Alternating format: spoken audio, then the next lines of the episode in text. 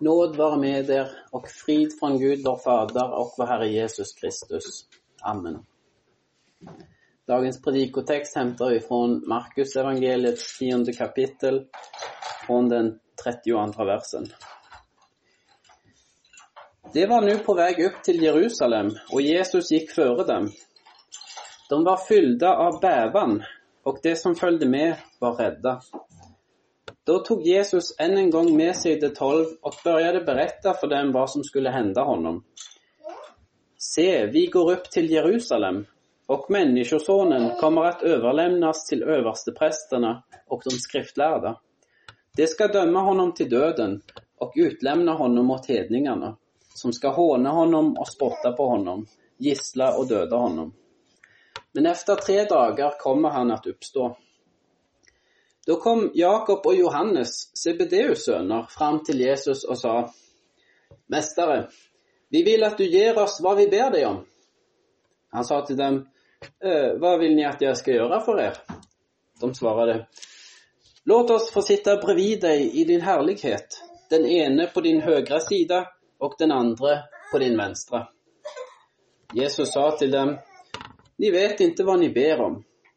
Kan ni drikke den begeret som jeg drikker, eller døpes med det dop som jeg døps med? De svarer det kan vi.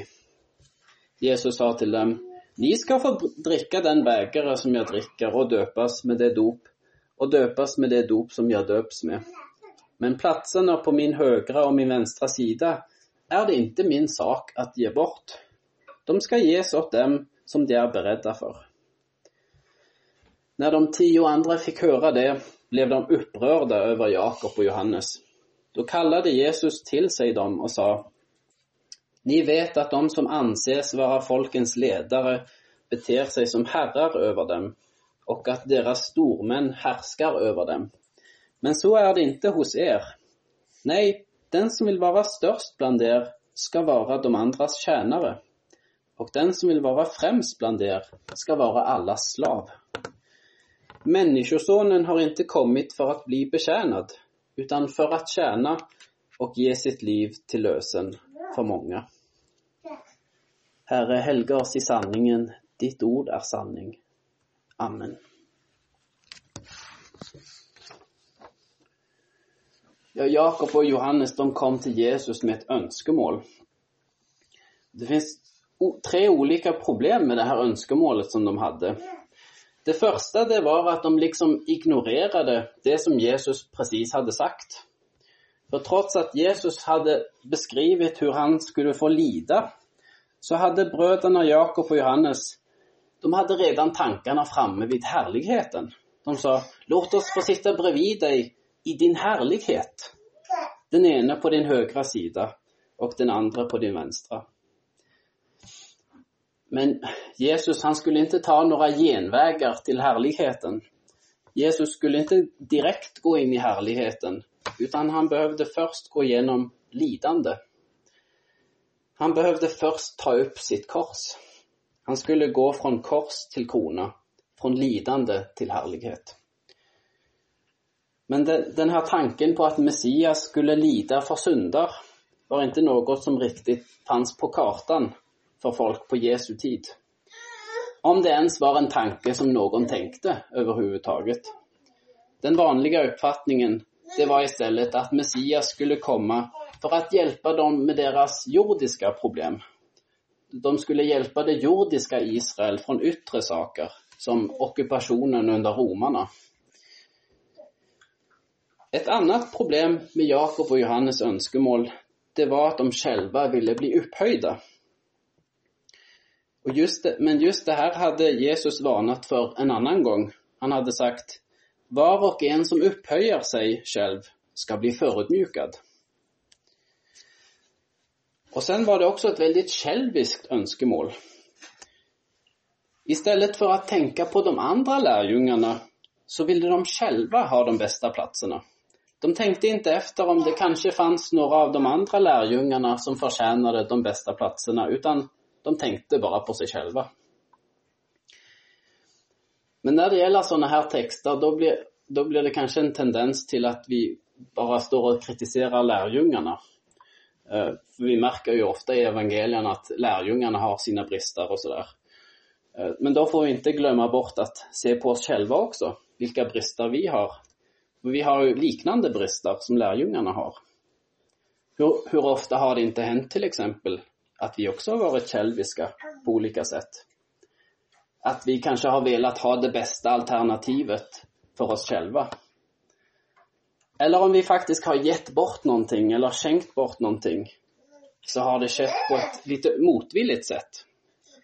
Vi kanskje tenker innerst inne jeg hadde egentlig villet beholde det der og ha det for meg selv. Det tar imot for vår syndige natur at være osjälvisk.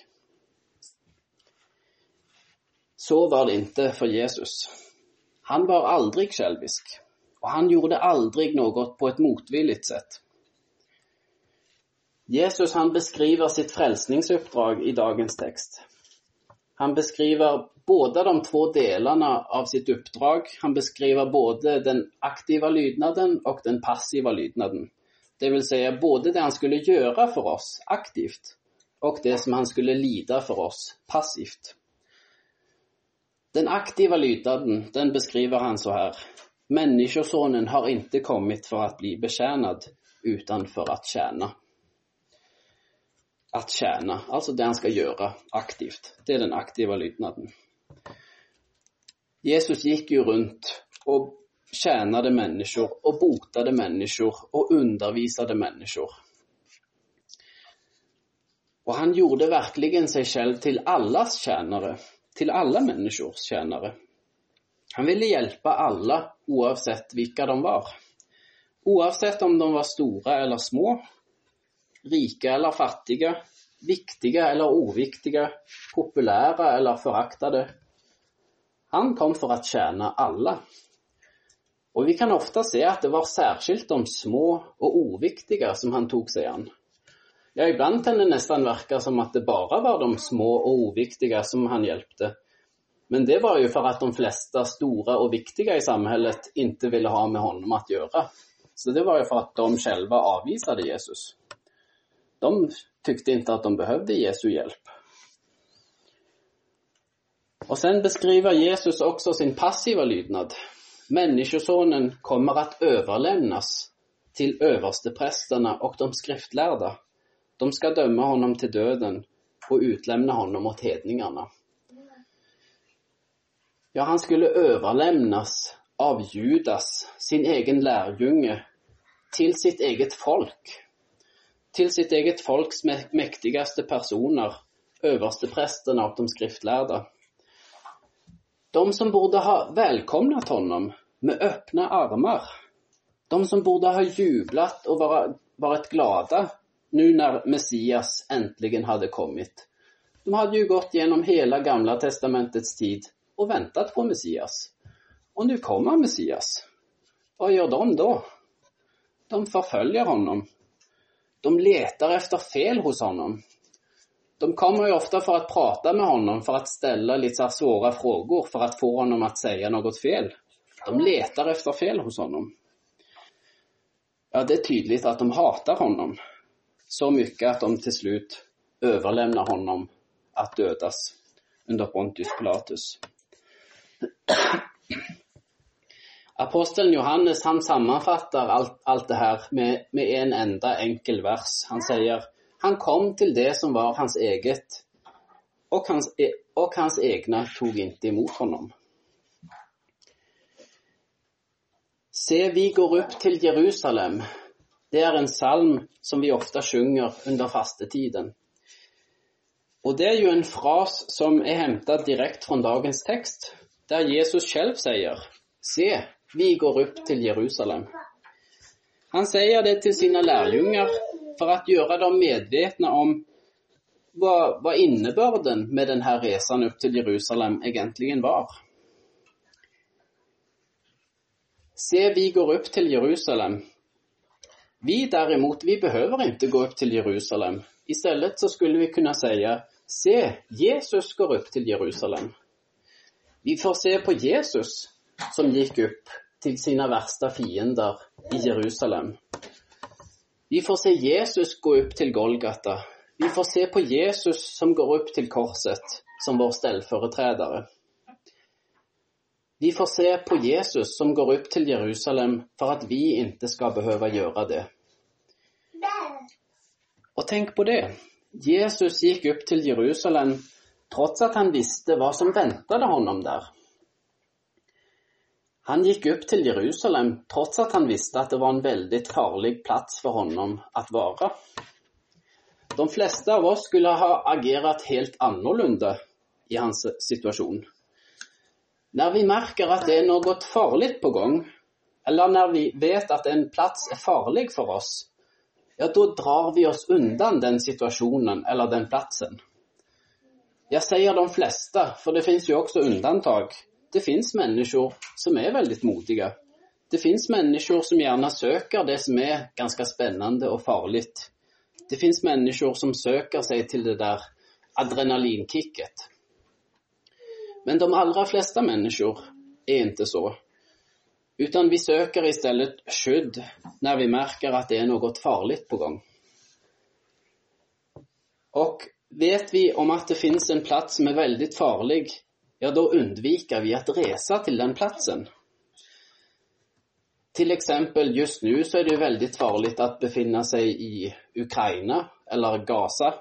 Så de to plassene burde vi ikke reise til om vi vil være trygge og sikre. Der er det ikke trygt å være. En krigszon, det er jo den, kanskje den farligste plassen man kan befinne seg på. Men hva gjør Jesus? Han går opp til Jerusalem, den farligste plassen for honom å være. Den var jo ikke egentlig farlig for andre mennesker, men just for Jesus var Jerusalem den absolutt farligste plassen å være. Trots att Jesus visste det fruktansvärda som låg framför honom, så gick han medvetet upp dit för att lida och dö för oss.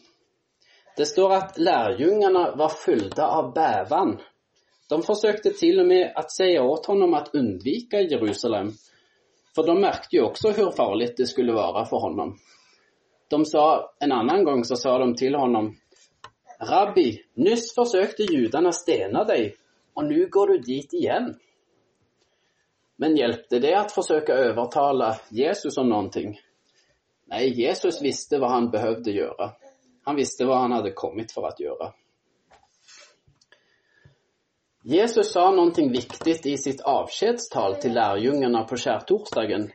Da sa Jesus, ingen har større kjærlighet enn den som gir sitt liv for sine vänner. Att ge sitt liv for sine venner, det, det er altså den høyeste formen av kjærlighet, sier Jesus. Det er noen ting som skulle kunne tillempes på situasjoner i andre menneskers liv også.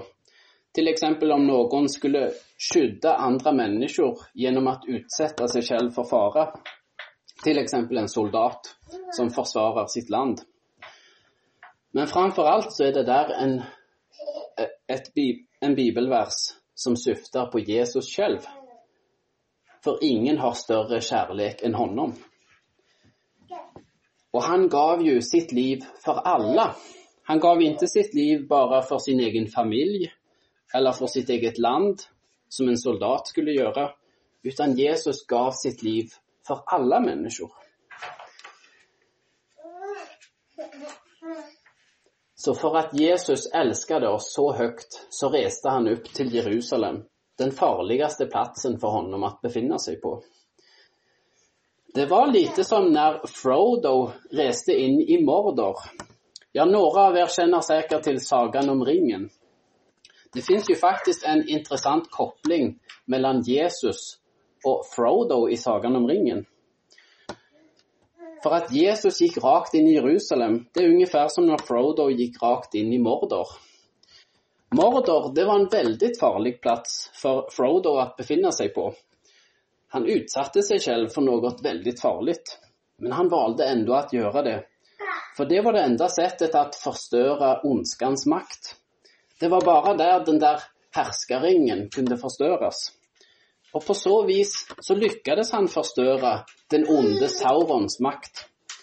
på et liknande sett som Jesus forstørde djevelens makt når han dog på korset på Golgata. Men nå er det jo forstås skilnad på Bibelen og sagan om ringen. For Bibelen er ikke en saga, utan noe som virkelig har hänt. Og til skilnad fra Frodo, som behøvde smyga seg fram gjennom Mordor i hemlighet, lite som en spion, så kom Jesus snarere veldig øppet og synlig inn i Jerusalem. På palmsøndagen da skulle han jo tåga rakt inn gjennom Jerusalems portar medan människor ropade når han kom. Og at han gjorde det, det var jo ungefær som å si til sine motstandere Her er jeg, nu kan ni gripe meg. Gjør med meg som ni vil. Hva venter ni på? Så han kom inn i hemlighet direkt. En anledning forresten til at hans motstandere ikke grep honom direkte der på palmesøndagen, det var på grunn av at Jesus var så populær på palmesøndagen. Da, då hade han jo hele folket med seg, åtminstone veldig mange. Så hans motstandere de behøvde jo først vende opinionen mot honom, at gjøre honom mer upopulær der i Jerusalem. De behövde lyckas övertala tillräckligt många att stå på gatorna och skrika korsfäst, korsfäst honom. Så på palmsöndagen var det inte riktigt läge ännu. Några dagar senare skulle det bli lämpligare. Och då skulle allt det som Jesus sa till lärjungarna gå i uppfyllelse. Då skulle Människosonen överlämnas till översteprästerna, dömas till döden, utlämnas åt hedningarna, bli hånad, spottad, gisslad och dödad. Och allt det skulle han göra för vår skull. Han skulle ge sitt liv till lösen för oss. Jesus säger ju, Människosonen har kommit för att ge sitt liv till lösen för många. För många, säger han. Vilka är de många människorna? De många människorna, det er alle mennesker. Jesus kom ikke bare for å frelse noen mennesker, utan alle mennesker, Vet vi jo fra resten av Bibelns undervisning. Et annet sted i Bibelen der begreppet 'mange' forekommer, det er i Romerbrevet kapittel 5. I Romerbrevet kapittel 5 anvender Paulus orden 'mange' og 'alle' om hverandre som synonymer. Bara for å forklare grann om det sammanhanget så er det et stykke der Paulus forklarer, han förklarar skillnaden mellom hva Adam gjorde gjennom syndafallet og hva Jesus gjorde gjennom frelsningen. Han skriver i den femtonde versen. For om det mange dog gjennom en endas fall så har Guds nåd og gåva så mye mer overflødet til det mange gjennom en enda människas nåd, Jesu Kristi nåd. Så her ser vi altså at de mange de drabbas av syndafallet, men de er også føremål for Guds nåd. De er også mottakere av Guds nåd. Og litt lengre fram i den artonde versen skriver han, altså liksom en endas fall ledde til fordømmelse for alle mennesker, så har en endas rettferdighet lett til et frikjennende, til liv för alle mennesker. Så her kan vi altså se at Paulus anvender mange og alle som synonymer. Han anvender de her orden om hverandre. Så når Jesus altså sier at menneskesonen gav sitt liv til løsen for mange, så betyder det at han gav sitt liv til løsen for alle. Man kan jo også forklare det så her. Om du skulle få muligheten å se framfor dig hela skaran av alla människor, skulle du inte då beskriva det som att det var väldigt många människor? På det sättet så är det inte så märkvärdigt att alla människor kallas de många i Bibeln. Det är en beskrivning av storleken på den här gruppen av människor. Jesus han hade också något viktigt att lära sina lärjungar om att tjäna. Och det sier han i respons til det som Jakob og Johannes sagt, hadde sagt. Jesus sier, ni vet at de som anses være folkens ledere, beter seg som herrer over dem og at deres stormenn hersker over dem. men så er det inte hos er. Nei, den som vil være størst bland der, skal være de andres tjenere. Og den som vil være fremst bland der, skal være allas slav. Det som Jesus sier her, det var nå ikke så lett for lærjungene å forstå. For det her gikk jo helt imot den vanlige samhällsordningen som fanns på den tiden. Da fanns det herrer, og det fanns tjenere. Herrene stod over sine tjenere. Det var Herren som skulle bli betjent, og så var det tjeneren som skulle tjene, forstås. Og en parallell til lite nærmere vår tid, det er jo hvor det var vanlig å ha en dreng og en piga eh, på en bondgård før i tiden. De, de var tjenere som stod under bonden. Og, men trots at det var vanligere med tjenere før i tiden så finnes det jo det fortfarande i vissa sammanhang. til eksempel så har Sveriges kung mange tjenere, og Sveriges statsminister har, helt sikkert også det. Sveriges kung, han har nog rådgivere, sekreterare, kokker, stederskor, livvakter som står utenfor slottet til exempel. Så en kung, han har jo rett til å forvente seg at han skal ha mange tjenere som står under seg og tjener honom. Men når Jesus forklarer hvordan det skal være i Guds rike så låter det faktisk nesten tvert om hvordan det bruker å være i denne verden. Han sier den som vil være størst blant dere, skal være de andres tjänare. I Guds rike så er det ikke bare noen innvånere som skal være tjenere, utan her skal alle være hverandres tjenere, uten undantag. Ja, even, kyrkans ledere er kallet det at tjene de andre i kyrkan. Hele poenget med å være en pastor er egentlig å være de andres tjenere. At lede en gudstjenest, at predike en predikan, at dele ut en nattvard, at døpe, osv. Det er jo for å tjene. Det er for å tjene de andre. Jeg begynte med å si at Jesus behøvde gå fra lidende til herlighet. Fra kors til krona. Og det har han gjort for oss i vårt stelle, som vår stellforetredere. Han led for våre synder for at vi ikke skal behøve gjøre det. Enda så finnes det en likhet mellom Jesus og oss. För precis som Jesus får inte heller vi gå direkt inn i herligheten. Det finns ingen genväg direkt inn i herligheten, i himlen. Och vi upplever inte heller så, så mycket herlighet redan här på jorden. Snarare så behöver vi också gå genom lidande för att komma in i herligheten.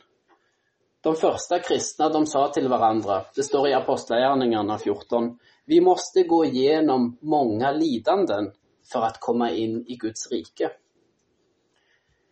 Vi behöver inte lida för våra synder, för det har redan Jesus gjort. Men vi kan få lida för vår tros skull. Vi kan lida för att världen här, den världen som vi lever i, visar mycket motstånd mot den tro som vi har. Och trots att vi kanske inte behöver komma, behöva lida martyrdøden, som Jesu lærjunger gjorde, så innebærer enda et liv som kristen alltid et kors. Jesus sa en annen gang om noen vil følge meg, skal han forneke seg selv og ta sitt kors og følge meg. Og korset, det innebærer jo et lidande. Men det kan se lite olika ut for var og en av oss. og for kristne i olika deler av verden, framfor allt. Till eksempel så, så kan det være livsfarligt at leve som kristen i muslimska länder. Men noe som er gemensamt for alle kristne, det er at vi kjenner av at vi lever i en verd som er fientligt innstilt til vår tro. Et eksempel på det her i Sverige, det er i den svenske skolen, der kristne kan bli hånade for deres, deres tros. Det finnes mange berettelser om det, om kristne barn som blir hånade og mobbade for at de er kristne. Om de öppna med det de tror på. Men ifall det skulle hende våre barn, så kan vi trøste våre barn med det som Jesus sier. Han sier, 'Salige er ni når mennesker håner og forfølger er og ljuger og sier alt mulig om, ont om er for min skull. Gled er og jubla, for er lønn er stor i himlen. På samme sett forfølgde man profeterna før er. Et skjell til att være glade når vi får lida, det er at våre kors ändå er ganske små i jämförelse med Jesu kors. Hans kors var mye tyngre. Hans smerter var mye større, for han bar hele verdens synd. Og just innan Jesus skulle överlämnas så sa han til lærjungene, i verden får ni lida, men var frimodige, jeg har overvunnet verden. Vi kan juble og være glade midt i våre lidanden når vi ser Jesus gå opp til Jerusalem for å overvinne verden, døden og djevelen. Amen. Låt oss be. Kjære Jesus, takk for at du kom til oss for å bære ditt kors opp til Golgata, for å dø for våre synder, for at vi skulle slippe å gjøre det. Hjälp oss å være med oss når vi får gjennomlide motganger, lidende og forfølgelse i våre liv. Hjelp oss å tjene hverandre og bevare oss i troen på deg for alltid. Amen.